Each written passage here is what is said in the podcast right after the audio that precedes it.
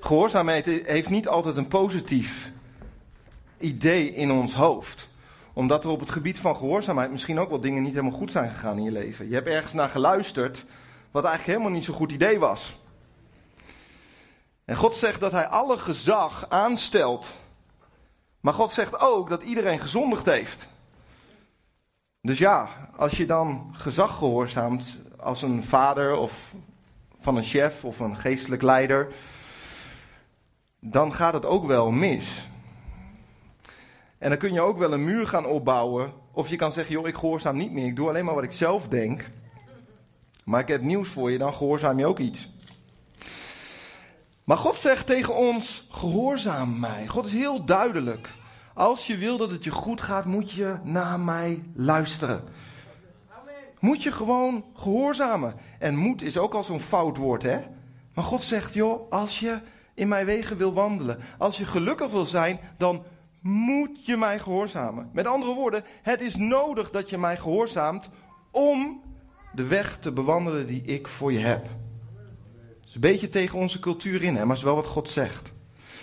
Maar God zegt dat niet als iets afstandelijk en daar ligt de clue. Als je God wil gehoorzamen, vergt dat een intieme relatie. Het vergt dat je Hem nadert en Hij jou nadert. Het vergt dat je Zijn hart leert kennen, dat je leert te zien wat is in Zijn hart, zodat jij daar ook in kunt bewegen. Zijn verlangen ga je merken in de ontmoeting met Hem. Maar dat is niet het enige wat gebeurt in die ontmoeting met Hem. Hij doorgrondt ook jou in de ontmoeting met Hem. Hij kent je van binnen en van buiten. Sterker nog, nog voordat een woord mijn lippen verlaat, weet God de oorsprong van dat woord al. Het is in mij gekomen op een, een of andere manier, maar God weet al hoe dat gebeurd is. Sterker nog, op het moment dat het bij mij van binnen een chaos is, omdat ik het even allemaal niet meer zie en niet meer weet, weet Hij het te ontwarren. Want Hij kent mij. Hij kent mijn zitten en mijn staan. Ik wil met jullie gaan lezen, en dat mag op de beamer. Uit een aantal dingen die Jezus aan het onderwijzen is. En we gaan best wel een aardig stuk lezen. Want als we God willen gehoorzamen, dan komen we terecht bij Jezus. Want Jezus is het beeld van de Vader. Maar Jezus is ook ons voorbeeld, die wij mogen volgen. En Jezus geeft les in Matthäus 5 over de zaligsprekingen. En ik wil dat met, graag met jullie lezen. Toen Jezus de menigte zag, ging hij de berg op. En nadat hij was gaan zitten, kwamen zijn discipelen bij hem. En hij opende zijn mond en onderwees hen en zei: Zalig, of ook wel gelukkig, zijn de armen van geest, want van hen is het koninkrijk der hemelen. Zalig zijn zij die treuren, want zij zullen vertroost worden. Zalig zijn de zachtmoedigen, want zij zullen de aarde beërven. Zalig zijn zij die honger en dorsten naar gerechtigheid, want zij zullen verzadigd worden. Zalig zijn de barmhartigen, want aan hen zal barmhartigheid bewezen worden. Zalig zijn de reinen van hart, want zij zullen God zien. Zalig zijn de vredestichters, want zij zullen Gods kinderen genoemd worden. Zalig zijn zij die vervolgd worden om de gerechtigheid, want van hen is het koninkrijk der hemelen. Zalig bent u als men u smaadt en vervolgt en door te liegen allerlei kwaad tegen u spreekt omwille van mij. Verblijd u, verheugt u, want uw loon is groot in de hemelen. Want zo hebben ze de profeten vervolgd die er voor u geweest zijn. Wat doet Jezus? Jezus begint te spreken tegen een hele menigte mensen en hij begint les te geven aan hen. En eigenlijk wat hij doet, hij spiegelt de werkelijkheid waar de mensen mee te maken hebben. De mensen hebben allemaal te maken met verdriet. De mensen hebben allemaal te maken met dingen die niet goed gaan in hun leven en dorsten misschien naar gerechtigheid. Wanneer komt er nou iemand die recht doet? Misschien ken je dat wel. Jezus begint daarover te vertellen. Zalig de vredestichters. Misschien heb je geprobeerd vrede te stichten, maar lukte het helemaal niet. Maar als ik kijk naar wat Jezus hier doet, dan zet hij onze dagelijkse werkzaamheid.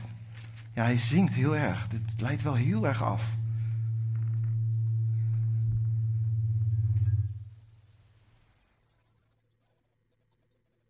Ja, zo beter? Nee, het zingt nog steeds. Staan de monitoren misschien nog aan? Microfoon dichterbij. Ja? Wat Jezus doet, is hij plaatst de werkelijkheid van alle dag in een hemels perspectief. Dat moet even landen soms bij ons. Want wij leven in de dagelijkse werkzaamheid.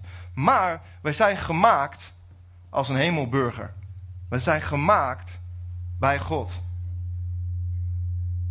Jongens, misschien is het goed dat we dit eerst even oplossen. Dit werkt niet zo goed. Moet ik die allemaal even doen? Ligt het aan mij? Oké.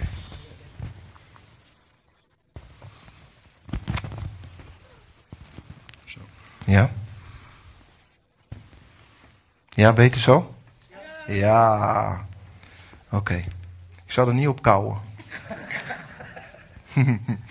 Jezus plaatst de werkelijkheid van alle dag in het licht van de eeuwigheid. Hij zegt: Zalig de treurenden, want zij zullen vertroost worden. God zendt ons de trooster, maar wie weet dat nog niet alles vertroost wordt hier op aarde. God zegt: Als je bij mij komt, uiteindelijk als ik terugkom, zal ik elke traan van je ogen afwissen. God, God plaatst het perspectief groter dan ons leven en richt onze focus op de hemel. Daar waar we vandaan komen. God maakte ons om eeuwig met Hem te leven. En dat is zo'n troost, weet je wel. Bij Jezus, als Hij begint te spreken, is er altijd hoop. Jezus praat het altijd in een perspectief waar dingen wel goed komen. Als je onrecht leidt hier en nu, en je probeert er van alles aan te doen, maar het lukt niet, het holt je alleen maar uit. Want het rechtssysteem brengt ook niet echt terecht. Dan zegt Jezus, zalig ben je als je honger en dorst naar gerechtigheid. Want ik zal het geven, ik zal het brengen. Bij mij glipt niks tussen mijn vingers door. Jezus zegt, ik ben de eeuwige. En jij bent bestemd om met mij eeuwig te wandelen. Niet alleen hier. De focus wordt in één keer een stuk groter. En als we dan verder lezen in vers 13, begint Jezus te spreken over wie wij zijn. Over onze bestemming. In vers 13 zegt hij, u bent het zout van de aarde. Maar als het zout zijn smaak verloren heeft, waarmee zal het gezouten worden? Het deugt nergens meer voor dan om weggeworpen en door de mensen vertrapt te worden. U bent het licht van de wereld. Een stad die bovenop een berg ligt, kan niet verborgen zijn. En ook steekt men geen lamp aan en zet die onder de korenmaat, maar op de standaard. En hij schijnt voor allen die in het huis zijn. Laat uw licht zo schijnen voor de mensen, dat zij uw goede werken zien en uw Vader die in de hemelen is verheerlijken. Wat Jezus eigenlijk hier zegt, jullie zijn de beelddragers. Jullie zijn degene die de Vader vertegenwoordigen. We zingen over Jezus als het licht van de wereld. Maar Jezus zegt, jullie zijn het licht van de wereld. En jullie moeten schijnen. Jullie zijn het zout der aarde. Wat doet het zout der aarde? Het zout der aarde is niet saai, zoals het imago van de kerk misschien hier en daar geworden is. Het zout maakt smakelijk. Het zout zorgt dat je denkt lekker pittig. Toch? Als het een beetje flauw is, doe je een beetje zout bij. Lekker op smaak gebracht. Als God de creator is, de schepper van hemel en aarde, die spreekt en er is iets, dan mogen wij hem weer spiegelen en moedig zijn en gaan staan en zeggen: Ik dien mijn God, want hij is de geweldige. En je kunt invloedrijk zijn en een zoutend zout zijn. Niet degene die volgt en zegt: Oh, ik hoop dat ik niet zo word als de wereld, maar degene die zegt: Zie hier, ik dien de Almachtige, ik dien de Koning der Koningen. En zout zorgt er niet alleen voor dat het op smaak is, maar zorgt ook dat dingen niet bederven. Dus je mag ten positieve mag je een um, smaakmaker zijn. Maar je mag soms ook zeggen: hé hey jongens, dit deugt niet. Als je op het schoolplein staat en ze staan alleen maar te rollen, zeg je: weet je, zullen we goed spreken? Bam, weet je wel?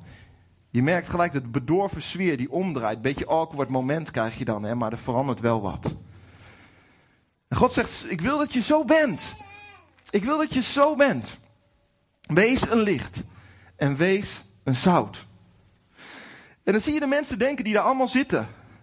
Een hele hoop mensen die luisteren naar Jezus denken: oh, hoe doen we dat? Ik een licht? Ik ben helemaal niet zo licht. Ik een zout? Ik, ik, nou, ik ben helemaal niet zo creatief. En de mensen denken als eerste aan het religieuze systeem wat er toen was. Als je God wilde dienen namelijk, ja dan werd je rabbi. Of dan luister je naar een rabbi. Dan werd je een fariseer, dan ging je naar de synagoge. Dan werd je deel van het religieuze systeem. En Jezus die zet dat meteen recht. Jezus zegt, ik bedoel dat niet. Ik bedoel niet dat je in alles de wet gaat houden, maar ik bedoel ook niet dat je hem weggooit. Vers 17. Denk niet dat ik gekomen ben om de wet of de profeten, dat is eigenlijk het hele Oude Testament, wet, profeten, geschriften, af te schaffen. Ik ben niet gekomen om die af te schaffen, maar om te vervullen. Want voorwaar ik zeg u, totdat de hemel en de aarde voorbij gaan, zal er niet één jota of één titel van de wet voorbij gaan, totdat het alles geschied is. Wie dan een van deze geringste geboden afschaft en de mensen zo onderwijst, zal de geringste genoemd worden in het koninkrijk der hemelen. Maar wie ze doet en onderwijst, die zal groot genoemd worden in het koninkrijk der hemelen. Want ik zeg u, als uw gerechtigheid niet overvloediger is dan die van de schriftgeleerden en de fariseeërs, zult u het koninkrijk van de hemelen beslist niet binnengaan. Slik. Mensen die dachten, ja, als ik dan een licht moet zijn, als ik dan een zout moet zijn, dan moet ik vast wezen in dit religieuze systeem waar men de wet predikt. En Jezus zegt, ja, dat klopt ook. Ik, de wet wordt niet weggegooid. Maar ik zeg je er ook bij, als je daarop gaat vertrouwen, dan komt het niet goed. Want je gerechtigheid moet groter zijn dan de voorbeelden uit het religieuze systeem. Dat is best een ding, hè, wat Jezus zegt. Eigenlijk zegt Jezus, snap je niet waar je vandaan komt? Je komt bij mij vandaan. Je bent gemaakt om eeuwig te leven. En je bent gemaakt om met mij relatie te hebben. In mijn licht vind jij jouw weg.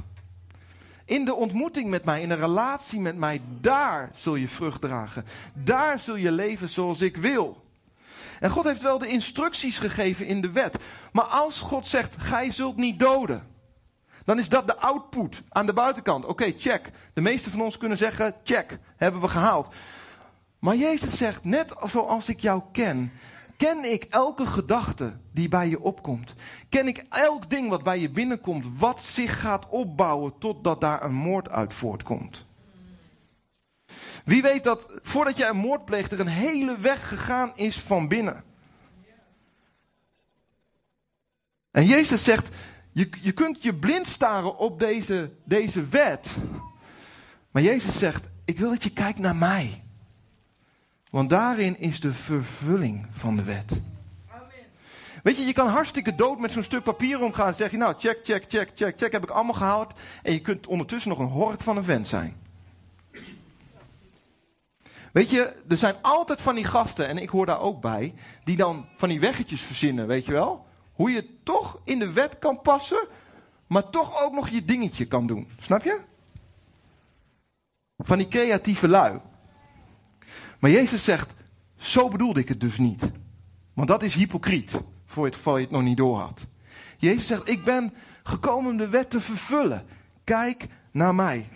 En ik trek het naar een ander level. En er staat, u hebt gehoord dat tegen de oude gezegd is, u zult niet doden. En wie doodt zal door de rechtbank schuldig bevonden worden. Maar ik zeg u, al wie ten onrechte boos is op zijn broeder, zal schuldig bevonden worden voor de rechtbank. Kijk, aan het e- eerste kunnen we allemaal wel voldoen. Dat we nog niet gedood hebben. Maar ik denk op het moment dat ik vraag, joh, ben je wel eens ten onrechte boos geweest? Ik denk dat er niemand is die kan zeggen, nou, dat is mij nooit overkomen. Als u dan uw gave op het altaar offert en u zich daar herinnert dat uw broeder iets tegen u heeft, laat de gave daar bij het altaar achter en ga heen. Verzoen u eerst met uw broeder en kom dan terug. Jezus, gaat, Jezus zegt, het gaat mij omdat wij een hartsrelatie hebben. En niet dat jij een vinkje kan zetten. Dus doe goed wat in je hart is. Het was voor niet voor niks dat Jezus zei, ik ga een nieuw verbond sluiten. En dat verbond, daarmee ga ik de wet in je hart schrijven. Dus de wet staat niet meer op een papiertje waar je vinkjes kan, achter kan zetten. Maar hij zegt, ik, ik wil de hartsconnectie met jou. Zodat mijn geest met jouw geest getuigt dat je een kind van mij bent. En dat is eigenlijk best heel erg verwarrend. Want als je een set regels op papier hebt, is best lekker duidelijk. Lekker overzichtelijk. Maar op het moment dat je dat niet meer hebt en je hebt zijn geest in je hart, dan wordt het afstemmen op zijn geest. En hoe werkt dat dan precies? Het is op zich niet zo raar hè, dat er in de Bijbel staat dat Jezus alleen maar keek naar de Vader. En alleen maar deed wat de Vader deed. De rest is gewoon te verwarrend. Jezus keek alleen naar de Vader. En deed wat de Vader deed.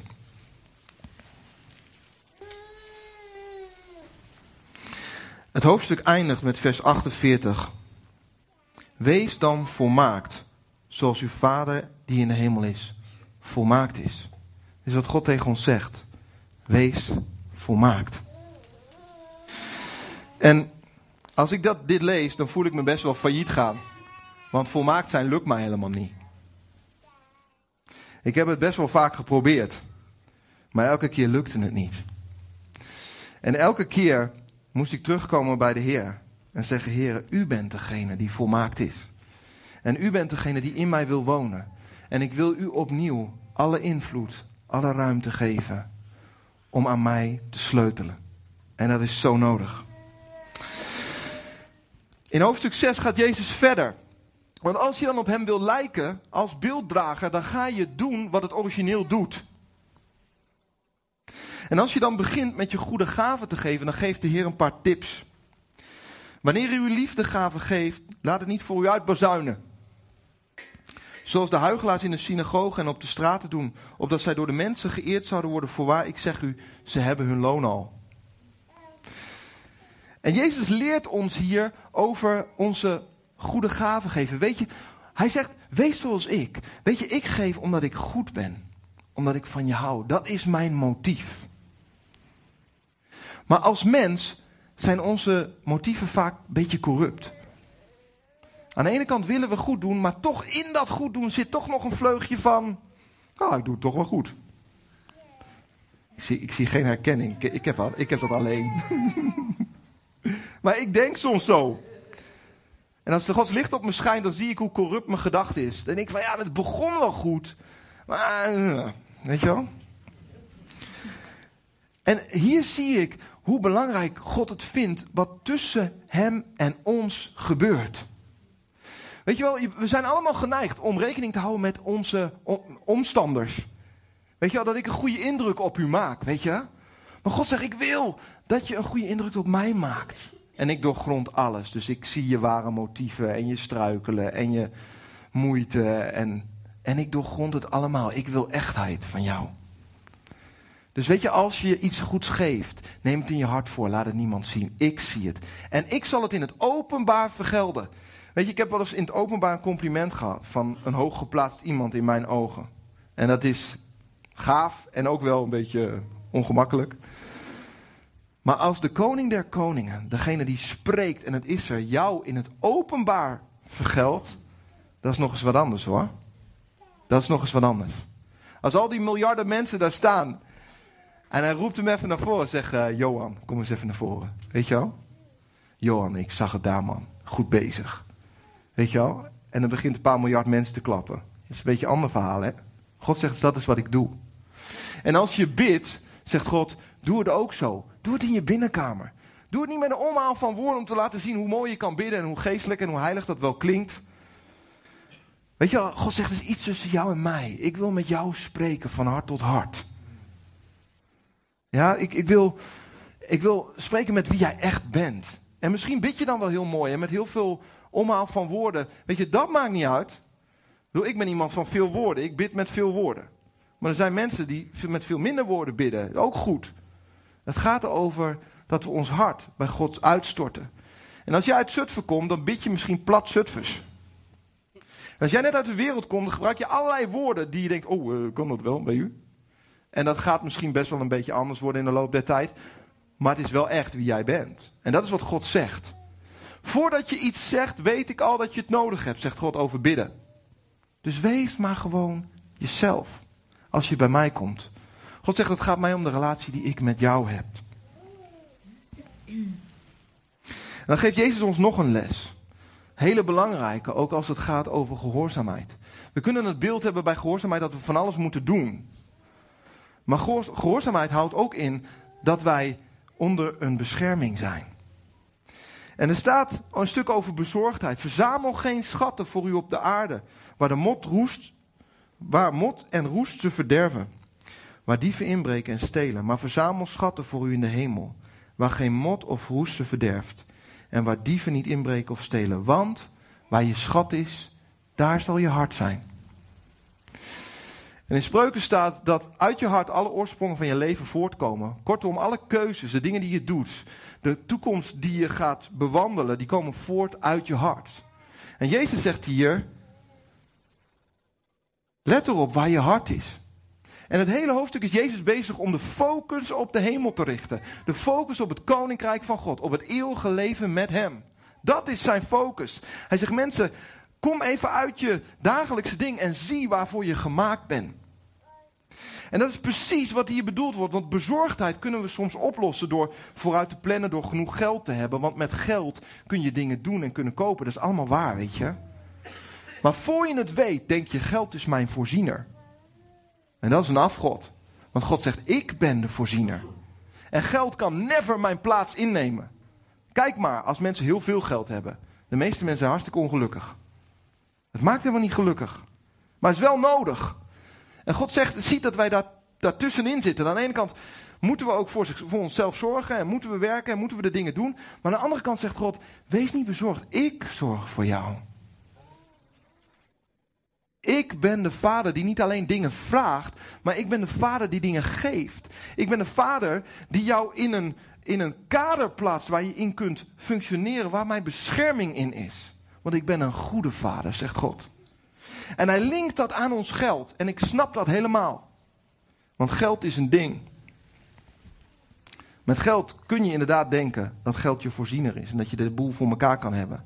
Ik heb dat vaak gedacht en ik denk het nog vaak.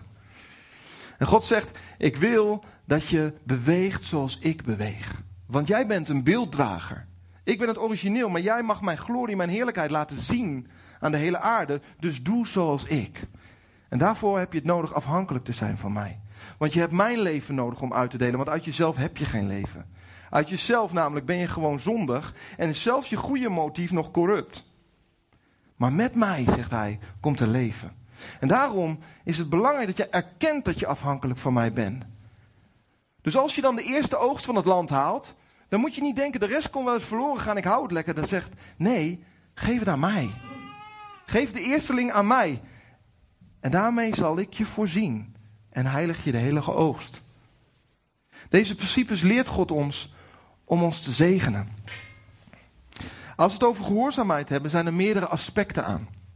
Gehoorzaamheid betekent namelijk dat je bent gaan luisteren naar een stem die iets over je gezegd heeft.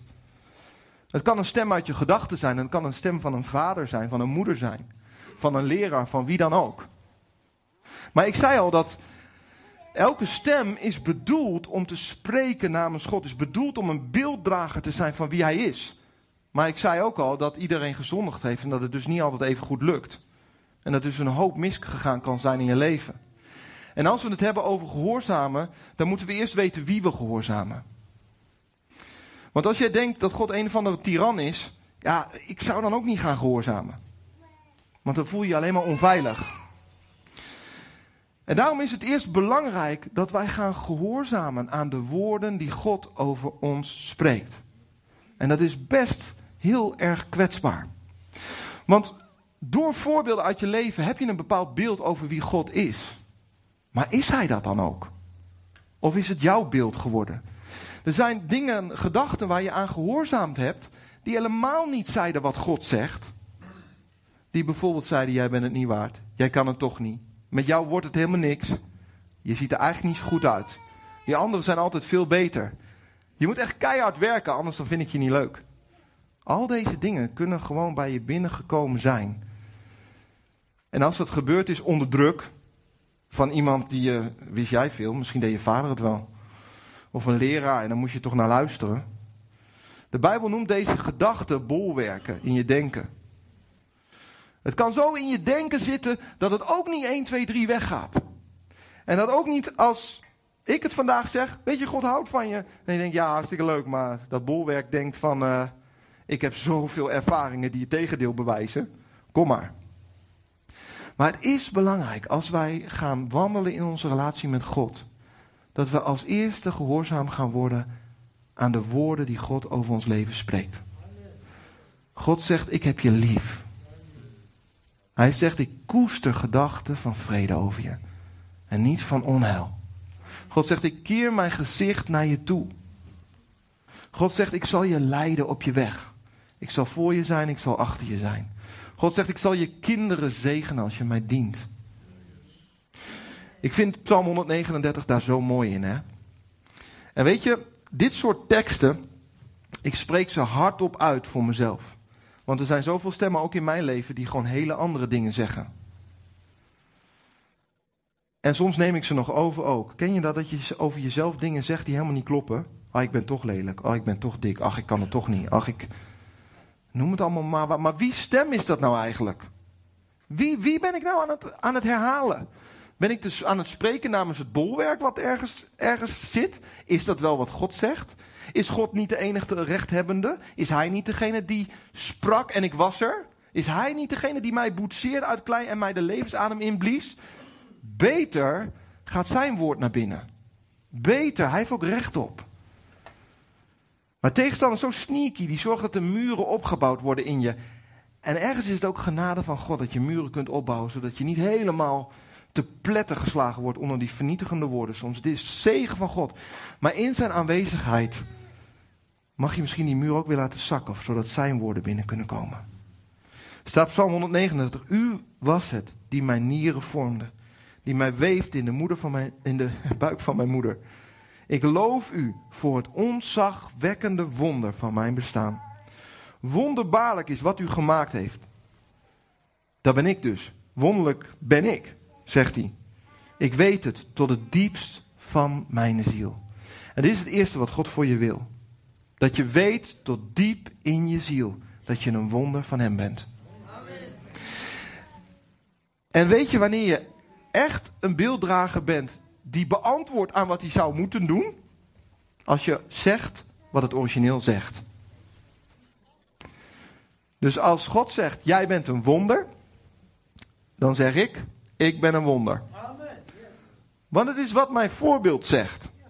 En ik ben gemaakt om zijn heerlijkheid te laten zien aan iedereen. Dus ik moet zeggen wat hij zegt. Weet je dat veel mensen dat niet eens over hun lippen krijgen?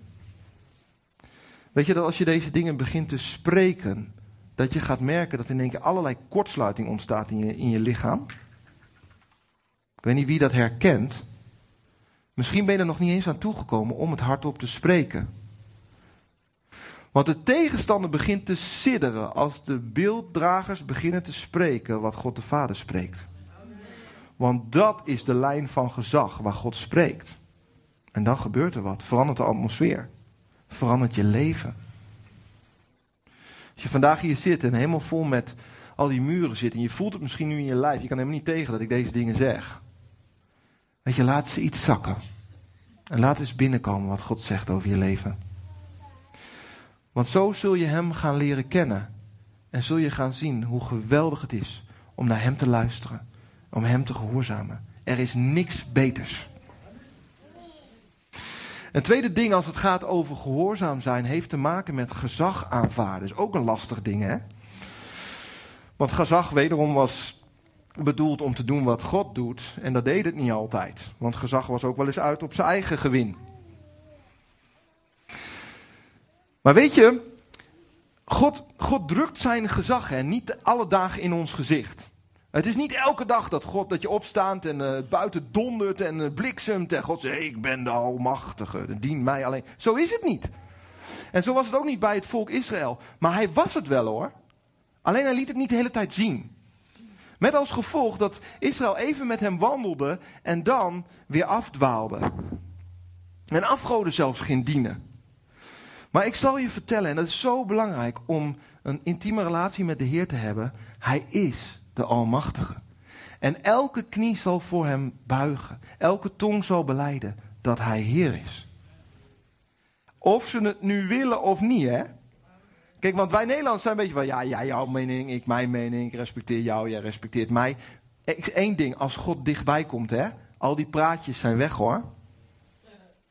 Als Elia op de karmel staat en al die priesters staan zichzelf pijn te doen en er gebeurt helemaal niks.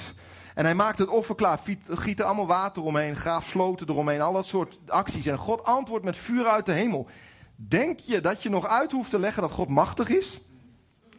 Als God de wet geeft op de berg bij Mozes en hij, hij nodigt het volk uit om dichtbij te komen, is altijd Gods wens geweest om de mensen aan zijn hart te hebben. Maar de, maar de mensen zeggen, Mozes, ga jij maar. Want als wij naar die berg gaan, gaan we hartstikke dood.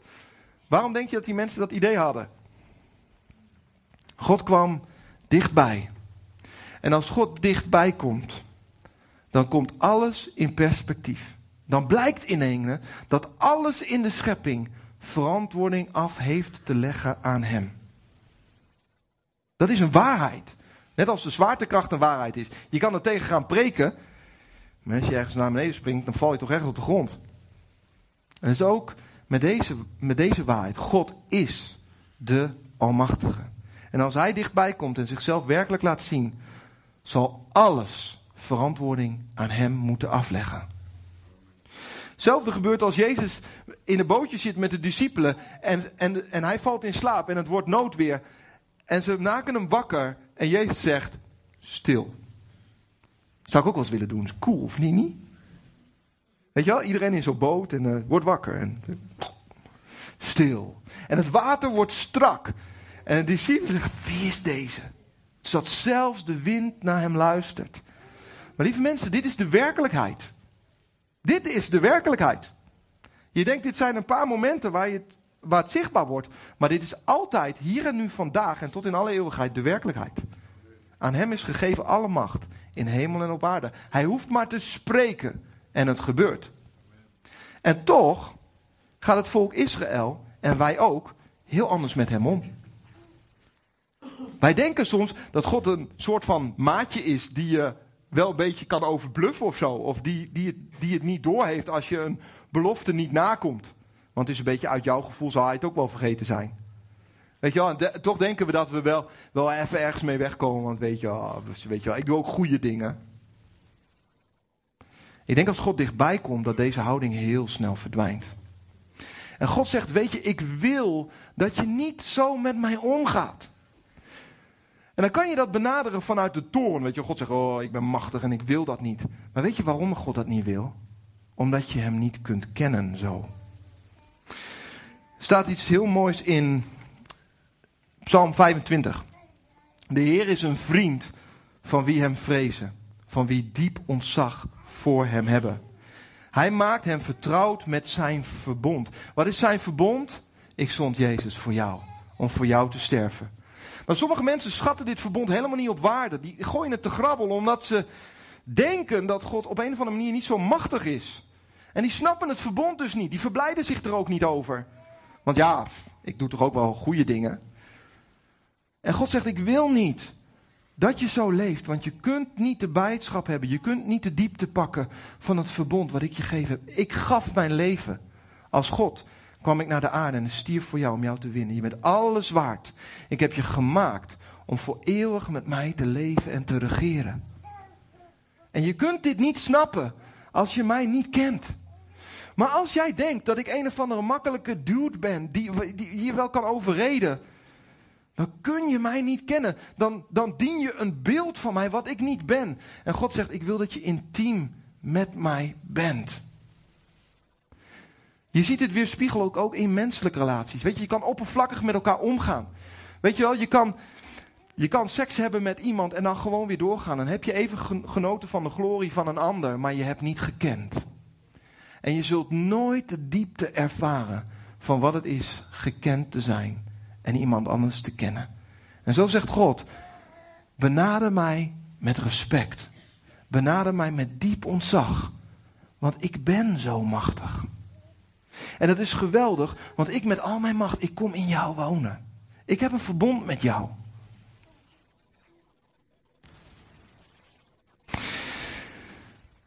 Een ander aspect aan gehoorzaam zijn betekent ook dat we hem leren vertrouwen. Dat is best lastig. Want je hebt soms wel het idee dat je er een beetje alleen voor staat. Maar als we naar God luisteren en hem leren vertrouwen, vallen we ook onder zijn bescherming. Spreuken 3 zegt dat heel mooi. Mijn zoon verwerp de vermaning van de Heer niet. En heb geen afkeer van zijn bestraffing. Want de Heer straft wie hij lief heeft. Zoals een vader doet met de zoon die hij goedgezind is. Dit zijn hele delicate woorden, want we kunnen al het onheil in ons leven als een bestraffing van de Heer zien. En dat is heel vaak helemaal niet waar, want de tegenstander brengt heel veel ellende in je leven. Maar als je met met hem leeft, hij die zijn wet in je binnenste heeft geschreven, hij die je de troost heeft gegeven om je te leiden, dan zul je herkennen wat een bestraffing is van God.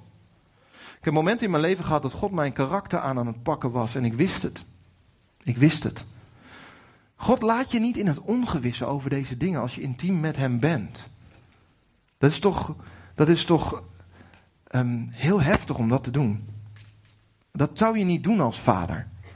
Ik, ik laat mijn zoon niet in het ongewisse waarom hij ellende heeft. Door als hij ziek is, ga ik toch niet zeggen: ja, had je maar dan moeten luisteren naar mij. Ga ik toch niet zeggen. Waarom zou, waarom zou God dat wel doen dan? Is niet zo. God zal je bekendmaken als hij je straft. Als hij je tuchtigt. En het is goed, mensen. Echt, beter zijn we God dankbaar. Want ik moest echt niet blijven zoals ik was. Sterker nog, er valt nog heel wat te sleutelen. Beter tikt God me op de vingers. Beter. In Deuteronomium 28 is prachtig de zegen en ook de vloek bij Abraham. God zegt, als je mij dient, als je mijn geboden bewaart, dan zul je gezegend zijn in je stad, in je land. Gezegend zal je vrucht van je schoot zijn, de vrucht van je land, je oogst. Gezegend zul je zijn in je komen en gaan. En je zult overwinningen behalen. Alles, God zegt, God, is het, het is niet voor wat hoort wat. God zegt, dit is gewoon het gevolg, man. Want wat ik zeg is gewoon goed. En het is gewoon waar. Dus beter gewoon luister je ernaar. Want dan zul je gezegend zijn. Ben ik niet degene die alles overziet? Ben ik degene niet die je geweven heeft? Ben ik niet degene die je gemaakt heeft zoals je bent? Ben ik niet degene die spreekt en het is er? Beter luister je naar mij, want dan gaat het je goed. Amen. Johannes 15 spreekt er ook over, Johannes 14 ook. Jezus zegt: Blijf in mijn liefde. Wanneer blijf je in zijn liefde? Als je zijn geboden gehoorzaamt. Jezus zegt, ik noem u mijn vrienden. Wanneer noemt u ons vrienden? Als we luisteren naar wat hij zegt. En we kunnen dat niet loskoppelen, want dan kunnen we hem niet kennen. Gehoorzaamheid betekent ook offer. En dat is iets wat wij in deze westerse wereld wat minder snappen dan in de plekken waar er vervolging is. We gaan naar de eindtijd toe, dat zie je aan alles. Vervolging neemt toe. En op een dag zal het ook hier zijn. Dat is geen angst, maar dat, je bent ook gemaakt voor die tijd, om te schitteren voor de Heer. Maar op het moment dat je niet hebt geleerd ook offers te brengen, dan wordt het best lastig. En de Bijbel spreekt heel duidelijk over dat het, het gehoorzaam zijn aan God ook offers kost. Weet je wat het is met een offer? Een offer is een prijs. En overal waar je een hoge prijs voor betaalt, is veel waard.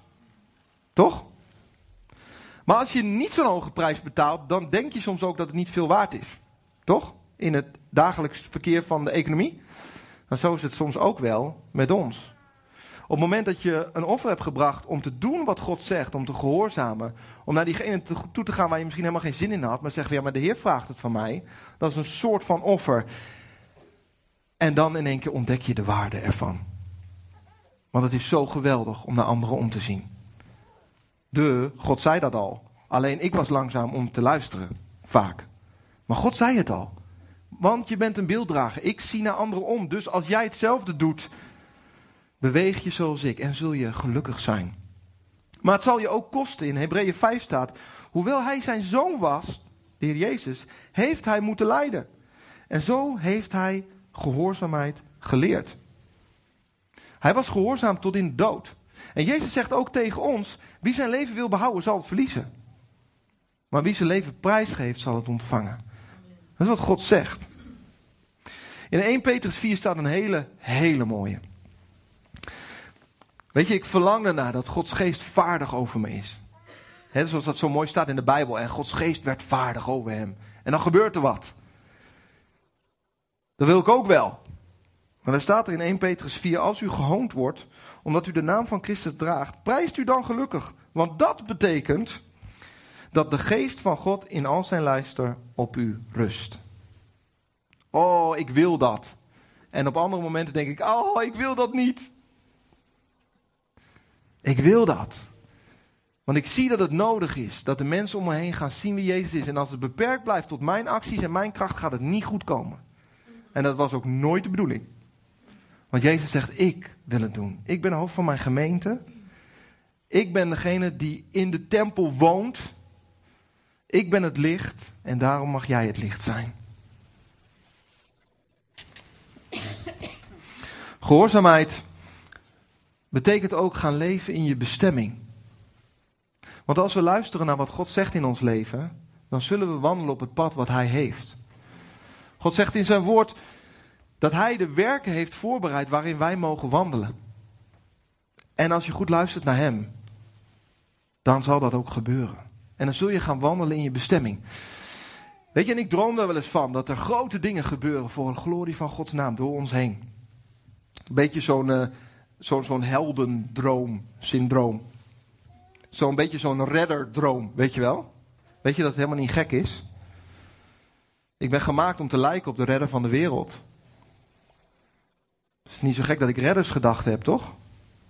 Als ik een beetje op hem begin te lijken, zou het zo, oh, zomaar eens kunnen gebeuren dat God mensen redt door je heen. Ja. Als we in onze bestemming willen wandelen, dan is het belangrijk dat we leren gehoorzamen. David versloeg Goliath. En daarmee werd een natie op dat moment gered van de vijand. Maar jullie weten ook allemaal dat David eerst een leeuw en een beer versloeg.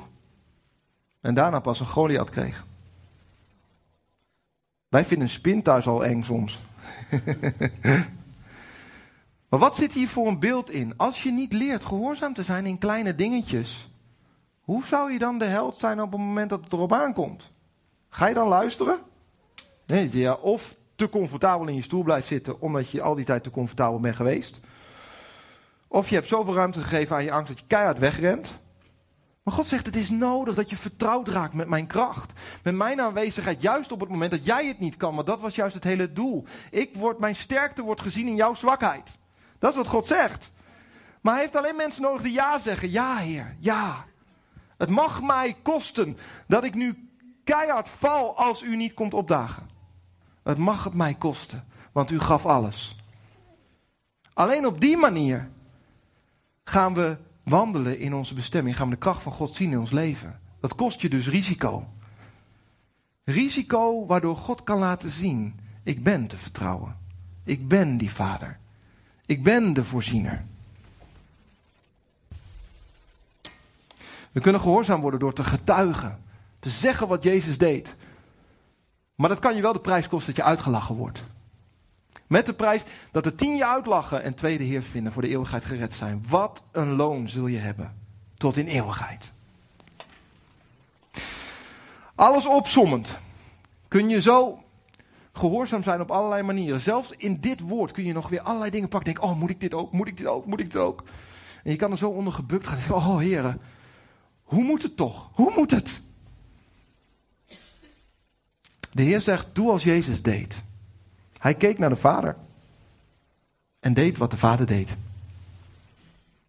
Jezus keek niet naar de wet en deed wat de wet deed. Jezus keek naar de Vader, de oorsprong. In 2 Korinthe 3, en als je aantekeningen maakt, is dit echt een goeie. Want dat is de sleutel. Vers 17 staat, de Heer nu is geest. En waar de geest van de Heer woont, daar is vrijheid. Welke vrijheid bedoelt hij? Vrijheid om te wandelen zoals je gemaakt bent. Je bent gemaakt om geliefd te zijn door de Heer. Om liefde terug te geven aan Hem. Je bent gemaakt om Zijn heerlijkheid te dragen. En te laten zien op heel de aarde. En alle ballast die de tegenstander bij je binnen heeft gebracht in je familie, in je leven. Daarvan wil hij dat je vrij bent. Zodat je vrij bent om te stralen voor God om volledig te beseffen hoe Hij van je houdt en hoe Hij door je heen wil schijnen. Wij allen nu, die met onbedekt gezicht, dat betekent zonder voorhangsel, zoals in een tempel, weet je wel, de heerlijkheid van de Heer als in een spiegel aanschouwen, betekent dat we Jezus kunnen zien. Jezus is de spiegel van de Heer. Worden van gedaante veranderd naar datzelfde beeld van heerlijkheid tot heerlijkheid, zoals dit door de geest van de Heer bewerkt wordt. Wat zegt hij eigenlijk? God wil je vrijmaken. En daarvoor moet je kijken naar Jezus. Want Hij is het spiegel van de Vader. En terwijl je dat doet, word je van gedaante veranderd naar zijn beeld. Dus eerst ben ik Calino met allerlei dingen. En ik blijf naar Jezus kijken en er wordt steeds meer een stukje Jezus. En elke keer dat het meer een stukje Jezus wordt, is weer van heerlijkheid naar heerlijkheid naar heerlijkheid. Genieten van wie Hij is. En zijn heerlijkheid wordt zichtbaar in mij. Dat is wat God aan het doen is. En wie doet dat? Calino? Nee. Dat doet Gods geest. Ik kijk naar Hem. En ondertussen is de geest van God bezig. Is de geest van God bezig om dingen te doen. God wilde het ook nooit anders. God wil het vanuit intimiteit, vanuit echtheid. En dan zit je misschien hier. En zeg je, weet je, ik wil daar een begin mee maken om te gehoorzamen. En voor, voor elk een van ons spreekt God verschillende dingen aan. Tegen sommige mensen zegt God, weet je, stop even met alles te moeten. En begin alsjeblieft gehoorzaam te zijn aan wat ik zeg over wie jij bent. Begin alsjeblieft met mij te herhalen en een beelddrager van mij te zijn door te zeggen wat ik zeg over wie jij bent. Ik hou van je. Je bent een geliefde zoon en dochter van God. Want God zegt, dat wil ik dat je eerst begrijpt. Daar was mijn offer voor. Om dat opnieuw te bevestigen. En tegen andere mensen zegt God misschien, weet je, je bent veel te makkelijk met mij omgegaan. Ik ben de Almachtige. En ik wil niet dat je langer in een beeld gelooft wat ik niet ben. Want je denkt dat je met allerlei dingen wegkomt, maar God zegt, weet je, alles zal verantwoording aan mij moeten afleggen. En dan blijkt dat ik de heilige ben. En dat ik niks met een aantal wegen die jij nu bewandelt te maken kan hebben. En als je denkt dat het wel zo is, dan dwaal je. En ik wil niet dat je dwaalt, zegt God. En tegen die mensen vandaag zeg ik: bekeer je. Draai je om van deze weg. Het is geen preek van oordeel. Maar misschien is de Heilige Geest die van binnen zegt: ja, dit is voor jou. Weet je, maak dan die stap. Gehoorzaam aan wat God zegt. Rick, wil je liedje instarten, zacht? Weet je, er zijn momenten geweest dat ik zo onder prestatiedruk leed. En allerlei dingen zag. Weet je, als je je vernedert voor God, dan schijnt zijn licht op jou. En dan ga je de dingen zien in zijn licht. En het bleek dat heel veel van mijn motieven totaal corrupt waren. Zelfs de goede. En ik begon op te noemen. Ik zeg, oh heer, dit nog en dat nog en dat nog en dat nog en dat nog. En de Heilige Geest remde mijn gebed. Zeg, jongen, je hebt genoeg aan het ding waar ik nu mee bezig ben. En je mag je nu bekeren van dit punt. En de rest, leg het in mijn hand. Dus ieder vandaag ook die zo de lat voelt boven je leven. Begin aan God te geven wat Hij nu zegt. Want daar heb je genoeg aan. Als de Heilige Geest alles bij mij aan zou pakken in één keer, dan zou ik bezwijken. Ik zou het niet aankunnen. Maar Hij is een goede vader. Ik wil vragen de mensen van het gebedsteam of je naar voren wil komen.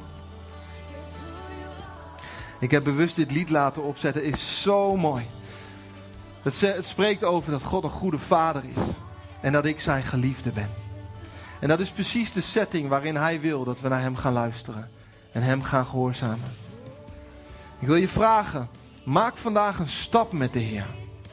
Ga gewoon doen wat de Heilige Geest al tegen je zei. Zo belangrijk. Als hij iets tegen je zegt, ga het doen. Ook al vind je het eng, ga het gewoon doen. als de Heilige Geest je aangesproken heeft op een zonde, beleid het. En je hebt toegang tot hem. Tot intimiteit met hem. Hij wilde nooit anders. Als jij vandaag zegt, ik moet opnieuw gaan beseffen wie de Vader eigenlijk is, dat hij echt goed is. Kom bij hem. En hij zal je rust geven. Je mag hem heel iets harder zetten. En dan wil ik jullie uitnodigen, als je wil komen, mag je komen. Als je zegt, ik blijf heerlijk op mijn plek zitten, dan mag ook. Dat maakt niet uit. Neem een stap met hem. En Vader God, ik draag het aan u op, heren. Vader God, ik vind mezelf in het luisteren naar u. Ik vind mezelf in het kijken naar u. Als ik kijk naar u, heren, zie ik de twinkel in uw ogen. Omdat u me van me houdt. Heren, in dat licht durf ik me open te geven aan u. En vader, soms met hangen en wurgen, want ik vind ook dat ik zelf van alles moet klaarmaken. Maar Heer, ik beleid. U, u bent het leven. U bent het licht. En ik wil doen, Heer, waar u me voor gemaakt heeft. Te weerspiegelen uw glorie. Heer, dat is uw glorie. Dat is uw glorie. Dank u, Jezus, voor wie u bent. Amen.